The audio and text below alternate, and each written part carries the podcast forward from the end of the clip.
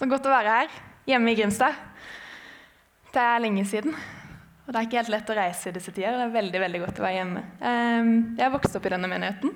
Grimstad misjonskirke. Det har vært mitt, mitt åndelige hjem i alle år. Fram til jeg ble voksen og fant på andre ting, men det kommer jeg tilbake til.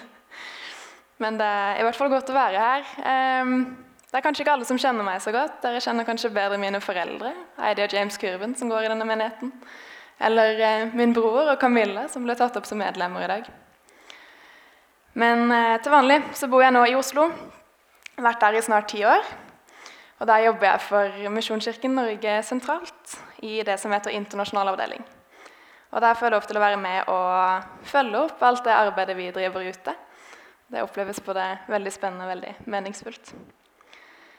Og så har jeg blitt spurt om jeg kan komme hit og tale om urettferdighet og moderne slaveri. Og det, det, er virkelig et tema som ligger meg på hjertet.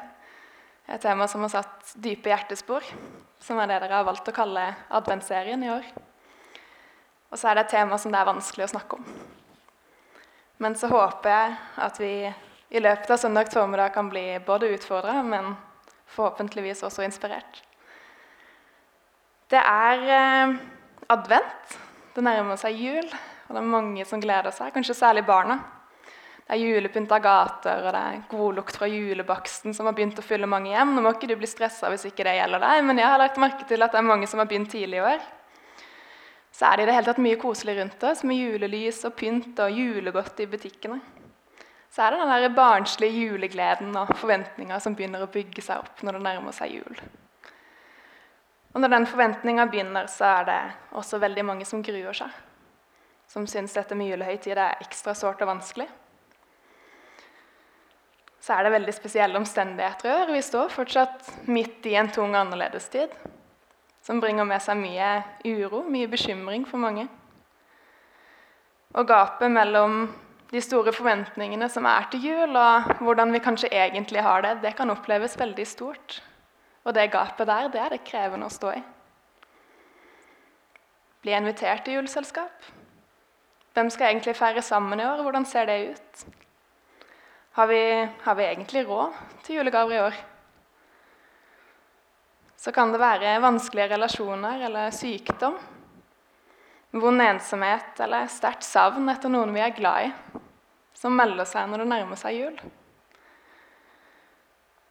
Og midt i alt dette mylderet her, som kalles livet, i gleden og sorgen, hverdagen og festen, så blir et Jesusbarn født og det er himmel på jord, så er det et budskap i det som sier det at du, du er så inderlig høyt elska. Og så er det en invitasjon. Kom, følg meg. Vil du være med? Jeg blir med på hva da? Akkurat det, det skal vi komme tilbake til litt senere. Først så vil jeg ta dere med til en julaften for ti år siden.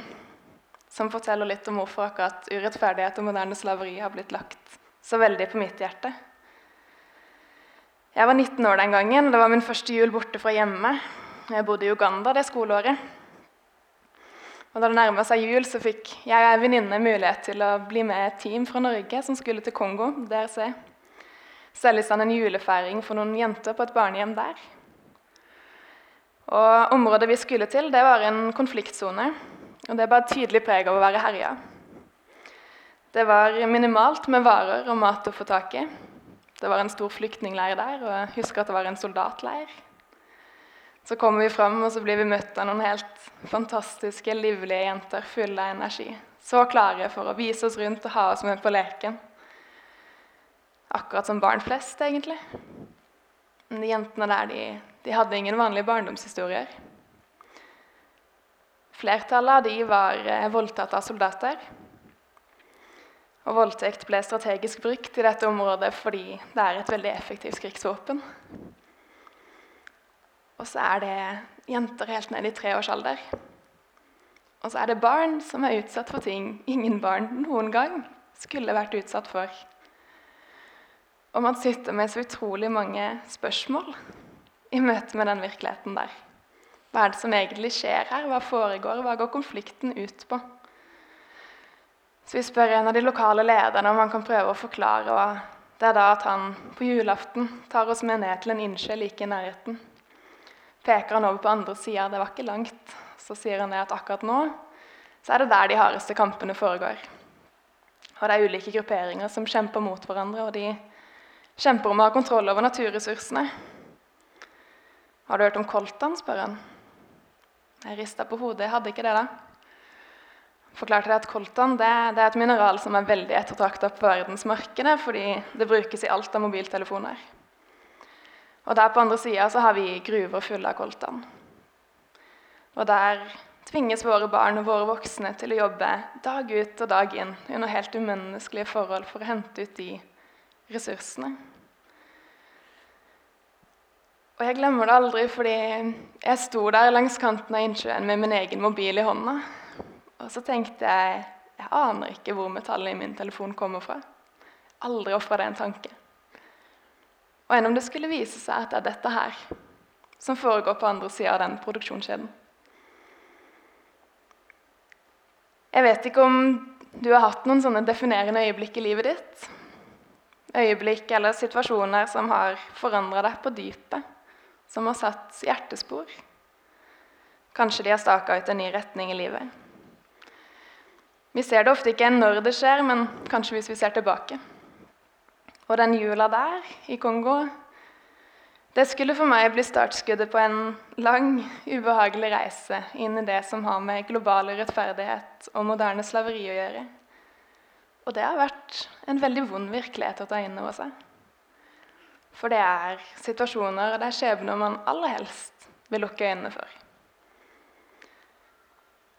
Men siden den gang så har jeg de ti siste åra sett mye som ikke kan bli usett. Det har vært møter med tekstilarbeidere på Sri Lanka som jobber 14-timersdager i varme fabrikker til luselønn og uten arbeiderrettigheter som sykepenger eller nødvendig verneutstyr. Alt for at vi skal kunne kjøpe billige klær for nye kolleksjoner hver sesong i Norge og i Vesten. Og dette var fabrikker vi fikk tilgang til, og så vet vi at forholdet er langt langt verre der det ikke er innsyn. Så jeg har sittet i lange intervju med jenter fra Nepal som forteller om hvordan det var å bli gifta bort som barn da de var 13. Jeg har møtt mennesker som lever i dyp fattigdom i Romania. Som ikke finner stabilt arbeid, ikke vet hvordan de skal skaffe mat på bordet dagen etter, og heller ikke hvordan de skal overleve vinteren når gradene kryper under minus ti. Så jeg har gått i samme kirke i Oslo med jenter der det viser seg, når du blir litt bedre kjent med de, og de blir trygge på det, at de bærer på veldig vonde opplevelser fra sexindustrien i Norge. Og så kunne jeg nevnt mange mange flere menneskemøter, men det har vi ikke tid til. Men så er det én ting de alle har til felles. Det er én fellesnevner, og det er sårbarhet. Kanskje har vi alle fått kjenne litt på det, at livet er sårbart dette året her. Men dette er mennesker som kanskje lever i fattigdom og trenger desperat jobb, står i gjeld, er på flukt. De er nye i et land og kjenner ikke språket eller kulturen, og i hvert fall ikke de gjeldende arbeiderrettighetene. Det kan være mennesker, ofte barn og unge, som bruker mye tid på gata eller på byen fordi det er bare ikke trygge og gode forhold hjemme. Og En sånn type sårbar situasjon den kan lett utnyttes. Sånn at mennesker havner inn i situasjoner der de ikke styrer sitt eget liv lenger, men de blir kontrollert av andre, ofte med bruk av vold eller trusler eller krenkelser. Og den typen grov utnyttelse av mennesker i sårbare situasjoner, uten at de som rammes, har noen mulighet til å unngå det, det er det vi i dag begynner å bli kjent med som moderne slaveri. Og det er en av vår tids største eksempler på global urettferdighet. Og det har et helt enormt omfang. FNs arbeidsorganisasjon, ILO, de regner med at så mange som 40 millioner mennesker lever som slaver i dag. Og utnyttes f.eks. i tvangsarbeid eller menneskehandel, tvangsekteskap eller i sexindustrien. ILO anslår òg at 9000 mennesker lever under slaverilignende forhold i Norge, i våre nabolag. Og det er noe som foregår i bygg- og anleggsbransjen, renholdsbransjen, på skjønnhetssalonger, fiskeriindustrien. På bilvaskerier har det de siste åra blitt avdekka flere caser. Og så står vi midt i en global pandemi. Og konsekvensen av korona gjør dette med moderne slaveri og urettferdighet til en veldig mer aktuell problemstilling enn på lenge. Veldig mange flere mennesker opplever nå en sårbar livssituasjon. Opplever tap av jobb og inntekt, mangel på mat, økt gjeld. Noen blir kasta ut på gata fordi de ikke klarer å betale leie. Så blir det desperate situasjoner, og risikoen er da farlig stor for å havne inn i grov utnyttelse. Et hjem uten mat er et hjem med økt fare for vold og overgrep. Det rapporterte Maria Cristina Monsalv, som er en av våre kollegaer i Colombia. Hun jobber blant internflyktninger der. Ifølge Verdensbanken så regner man med at 100 millioner flere mennesker havner inn i gruppa ekstrem fattigdom bare i løpet av 2020 pga. korona. Så er det veldig mange barn som detter ut av skolen og ender opp i barnearbeid i stedet. For første gang på 20 år så meldes det om en økning i barnearbeid. Og så er det lockdown og smitteverntiltak som gjør at vi i veldig mye større grad befinner oss på nett. Og hva har det med saken å gjøre? Vel, i mars, da det først Norge først stengte ned, så ble det meldt om 11% økning i nordmenns besøk på pornonettsider. Og pornoindustrien har veldig tett kobling til menneskehandel og til moderne slaveri. Og nå er det en etterspørsel som øker. Rett og slett fordi vi befinner oss mer på nett. Vi har mer tid til å surfe på nett. Og så meldes det om kraftig økning i spredning av overgrepsmateriale på nett i Europa. Så den ensomheten og den usikkerheten veldig mange mennesker kjenner på nå, den er òg mange mennesker, kyniske mennesker og systemer som vet å utnytte på nett. Og spesielt er barn og unge utsatt utsatt for å bli kontakta via sosiale medier eller på gamingplattformer for å prøve å bli rekruttert til ulike former for moderne slaveri. Og nettvett blir da helt utrolig viktig å lære seg og snakke om med våre barn og unge i møte med dagens digitale virkelighet. Dette her det er litt hard kost en søndagsmorgen i advent. Jeg vet det. Men jeg ble spurt om jeg kunne tale om urettferdighet. Og urettferdighet i ulike former det er en veldig stor del av virkeligheten. Det er noe vi trenger å forholde oss til. Spørsmålet blir hvem er vi i kirka kalt til å være i møte med en urettferdig verden? Angår det egentlig oss? Er ikke dette noe politikerne burde ta seg av? Du må ikke tåle så inderlig vel den urett som ikke rammer deg selv, det, det skriver Arnulf Øverland i sitt kjente dikt 'Du må ikke sove'.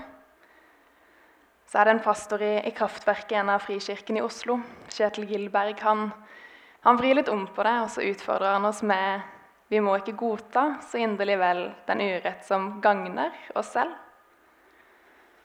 Det har vært en setning som har fulgt meg gjennom hele høsten. Den river i meg. Dessverre er det sånn at vi ofte uvitende tjener på at systemet er urettferdig. At noen ikke får den lønna de skal ha for sitt arbeid, det gjør at vi kan nyte billige varer og tjenester i Norge. Den velstanden og den overfloden vi nyter godt av, det gjør at andre mennesker lever i fattigdom. Og dette med urettferdighet er ikke lenger noe vi kan peke på som et problem hos andre, noe som foregår der ute i verden et sted. Nei, Vi ser mer og mer hvordan alt henger sammen, hvordan alt er vevd sammen i et system som skaper ulikhet mellom mennesker, og der måten vi lever våre liv på, er en viktig del av det bildet. Jeg delte innledningsvis at det har vært en vond reise å stadig stilles ansikt til ansikt med urettferdighet. Det er lett å bli motløs. Parallelt med det så har jeg heldigvis også fått oppdage hvor mye rettferdighet ligger på Guds hjerte. Hvor sterkt han identifiserer seg med de mest sårbare blant oss. Og hvor mye han bryr seg om hele mennesket og om alle mennesker. Og hadde det ikke vært for det, så tror jeg helt ærlig ikke jeg hadde orka å stå i det. Men Bibelen sier utrolig mye om rettferdighet, om kamp mot urett og om vår rolle i det. Og Gud er ikke redd for å utfordre når rettferdigheten rammer en av disse mine minste. I Jeremia så går Gud hardt ut mot en urettferdig konge, kong Joakim. Og dette er et budskap som profeten Jeremia ble bedt om å overlevere til denne kongen. Det står i Jeremia 22, vers 13-16. Ved den som bygger sitt hus med urettferdighet, sine loftsaler med urett. Han lar sin neste arbeide uten betaling og gir ham ikke lønnen han skal ha. Han sier, 'Jeg vil bygge et stort hus med romslige loftsaler.' Så hugger han ut vinduer, kler huset med sedertre og maler det rødt. Blir du konge av å være best til å bygge med sedertre? Din far spiste og drakk og gjorde det som er rett og rettferdig. Da gikk det godt for ham.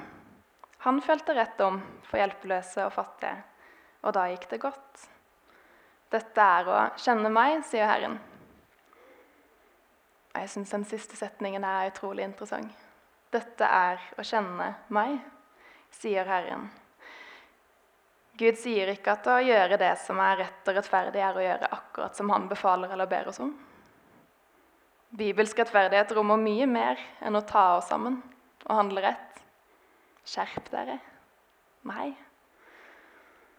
Gud sier at å kjempe for rettferdighet, for å skape mer himmel på jord, om du vil, det er å kjenne Han. Det er da veldig mye mer enn en aktivitet eller en kampanje eller et program som er fint å gjøre i kirka. Å jobbe for en mer rettferdig verden, det, det er noe som vokser ut av nær relasjon med Gud. Rettferdighet det blir da en måte å leve på, et disippelliv, der vi stadig søker å elske vår neste som oss selv, og hvordan det ser ut i våre liv. Grunnlaget for alt Bibelen sier om rettferdighet, det finner vi allerede i skapelsen, der Gud velger å skape mennesket i sitt bilde. Det betyr at alle mennesker er like mye verdt, like høyt elska av Gud, uansett hvem vi er. Helt uavhengig av kjønn, alder, sosial status, økonomi, etnisitet osv.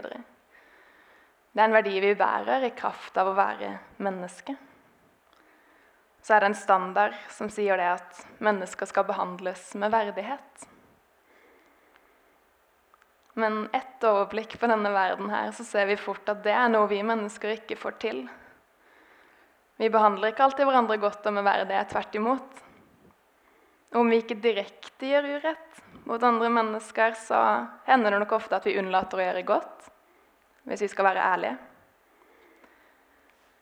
Eller vi fristes av likegyldigheten. Ja, hvorfor skal jeg bry meg egentlig? Det nytter jo ikke. Det har jo ikke noe å si hva jeg gjør, sånn i den store sammenhengen. Spiller ingen forskjell. Rettferdigheten er altfor omfattende. Det er en klassisk respons jeg tror vi alle vil kunne kjenne oss igjen i før eller siden, og sikkert flere ganger i løpet av livet. Og det minner meg veldig om en bibelhistorie som står i Markusevangeliet. Det er en gang Jesus har sagt til disiplene at kom, nå går vi til et øde sted der vi kan være alene, og så hviler vi litt. Og De legger ut over en innsjø og kommer til andre sida, men idet de går i land, så har det allerede samla seg en stor folkemengde. Og det står at Jesus går i land, så ser han ut på folkemengden, så får han inderlig medfølelse med dem. Setter han i gang å undervise. Og Jeg kan bare se for meg den skuffelsen og irritasjonen blant disiplene som er innstilt på hvile. Og den folkemengden med alle deres behov er det stikk motsatte av det de er innstilt på. Men de er nå der, og Jesus underviser og bruker tid med folket, og utover dagen så oppstår det en utfordring fordi de blir sultne, og de er på et øde sted der det ikke er noe å spise. Og en sulten flokk på 5000 menn pluss kvinner og barn det er noe disiplene egentlig ikke orker å forholde seg til. Så De presenterer en løsning for Jesus. Jesus, send de bort. Send de fra deg. La de gå og ordne seg sjøl, fikse mat til seg sjøl. Men Jesus har litt andre planer og sier det at men, men dere skal gi dem mat. Disiplene ser det omfattende behovet, alle som er sultne, og så ser de alt de ikke har. Vi har ikke tid, vi har ikke krefter, Vi har ikke nok penger til å kjøpe brød, og vi har ikke nok brød. Har ikke, har ikke, har ikke. Og er det ikke kanskje ofte sånn vi òg reagerer når utfordringene rundt oss oppleves for omfattende?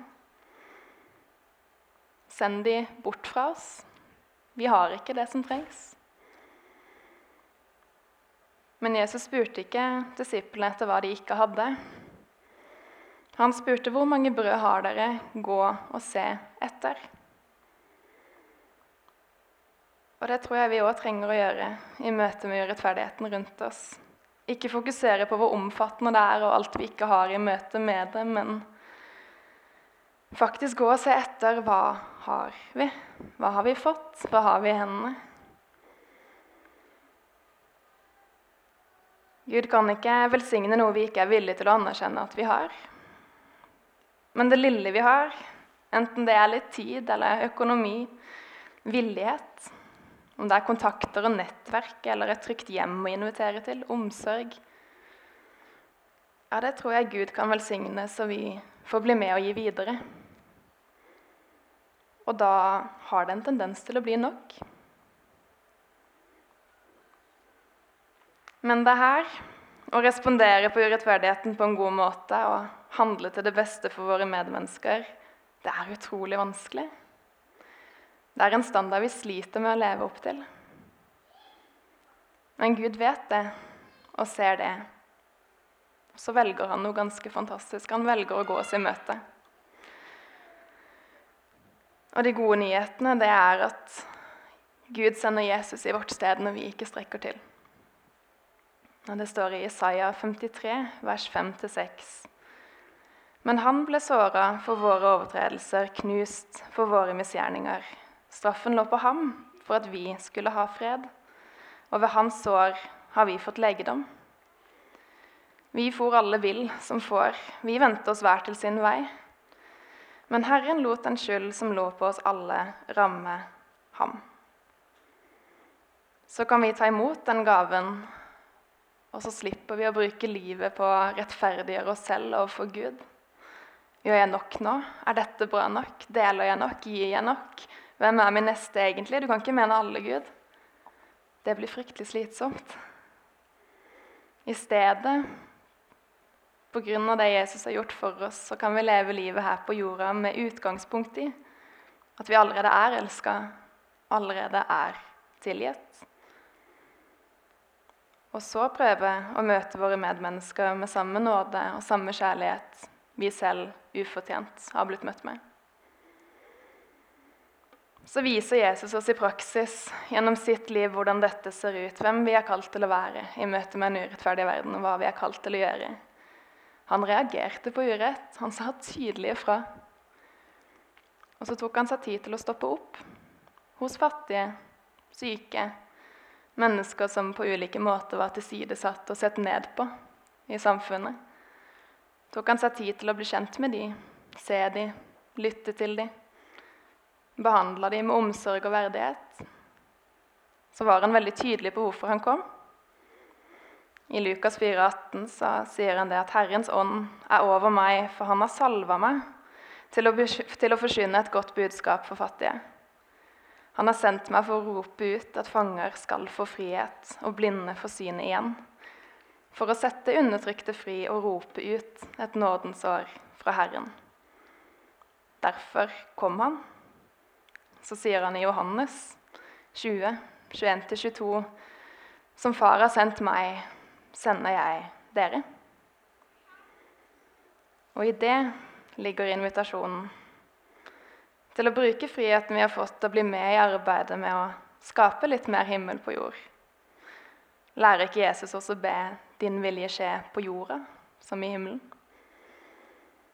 Så får vi bli med her og nå og gjenopprette litt og litt av alt det som har blitt så ødelagt mellom oss mennesker.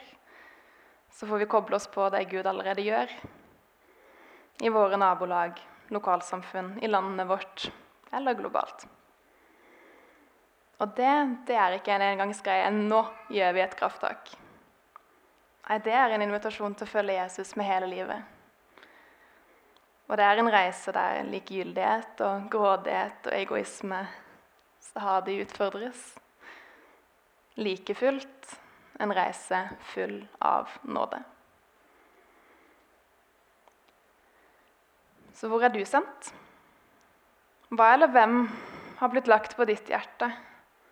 Og hvilke hjertespor er du kalt til å sette i andre menneskers liv? Når det gjelder å stå opp mot moderne slaveri, så kanskje det påvirker forbruket ditt, eller hva du investerer i. Kanskje du etterspør mer etisk produksjon eller unngår svart arbeid. Alt det er små, bevisste handlinger som bidrar. Eller kanskje du har fått et spesielt hjerte for en gruppe mennesker du kan være med og se og stille opp for. Om det er de blant oss som er bundet av rus eller annen form for avhengighet. Kanskje de som er mye alene, som ikke har så mange andre. Kanskje de nye blant oss, som trenger å bli inkludert. Eller barn og unge som ikke har de trygge og gode rammene hjemme, som kanskje trenger et besøkshjem eller et fosterhjem. Kanskje du har tid til overs til å gå natteravn eller være til stede for byen på andre måter. Det finnes så mange måter å elske sin neste på og bidra så de ikke havner inn i utnyttelse. Dette er bare noen tanker. Dypest sett så handler dette om å se andre mennesker. Og alle kan gjøre litt, og så kan vi gjøre veldig mye mer sammen. Hvilke hjertespor er Grimstad misjonskirke kalt til å sette? Hva rører seg her i byen? Hvilke behov drømmer dere som fellesskap om å gjøre noe med? Så vet jeg det at dere har et fokus tett på Grimstad i hele november. Kanskje det har satt i gang noen tanker eller drømmer? Så er det sånn at De siste åra har faktisk kirker over hele Norge hatt fokus på moderne slaveri over flere år. Og I år så har det blitt lagd et sånn lite hefte om temaet hvor det står hva det er, hvordan vi kan kjenne det igjen, hvor vi melder ifra. Og så står det en del forslag til ulike handlinger vi kan gjøre enkelt som, enten som enkeltpersoner eller som menigheter. Og De kommer jeg til å legge igjen her i menigheten. Hvis du er interessert, så kan du se litt på det. Til slutt så kan vi tenke enda større enn enkeltpersoner og lokalmenigheten. Vi kan tenke storfellesskapet. Hvor er vi som storfellesskap sendt? Misjonskirken Norge og våre internasjonale samarbeidskirker. Vi sier det at misjon det handler om å bringe Guds rike inn i denne verden. Og Gjennom vårt felles misjonsarbeid så jobber vi blant mange sårbare grupper. Vi jobber blant mennesker som lever i dyp fattigdom, internflyktninger, barn og unge, romfolk, mennesker med psykiske lidelser osv.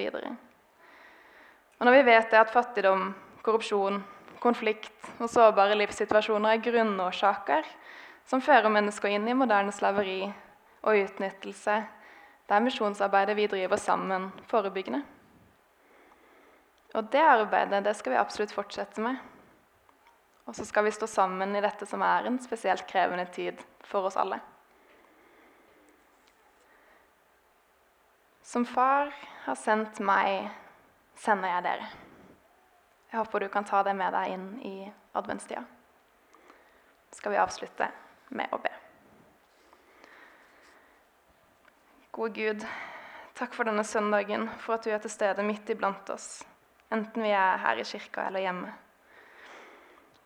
Jesus, hjelp oss å elske vår neste som oss selv. Vis oss hvordan det ser ut i våre liv der vi er til stede. Og gi oss styrke og visdom til å stå opp mot urett slik du gjorde det.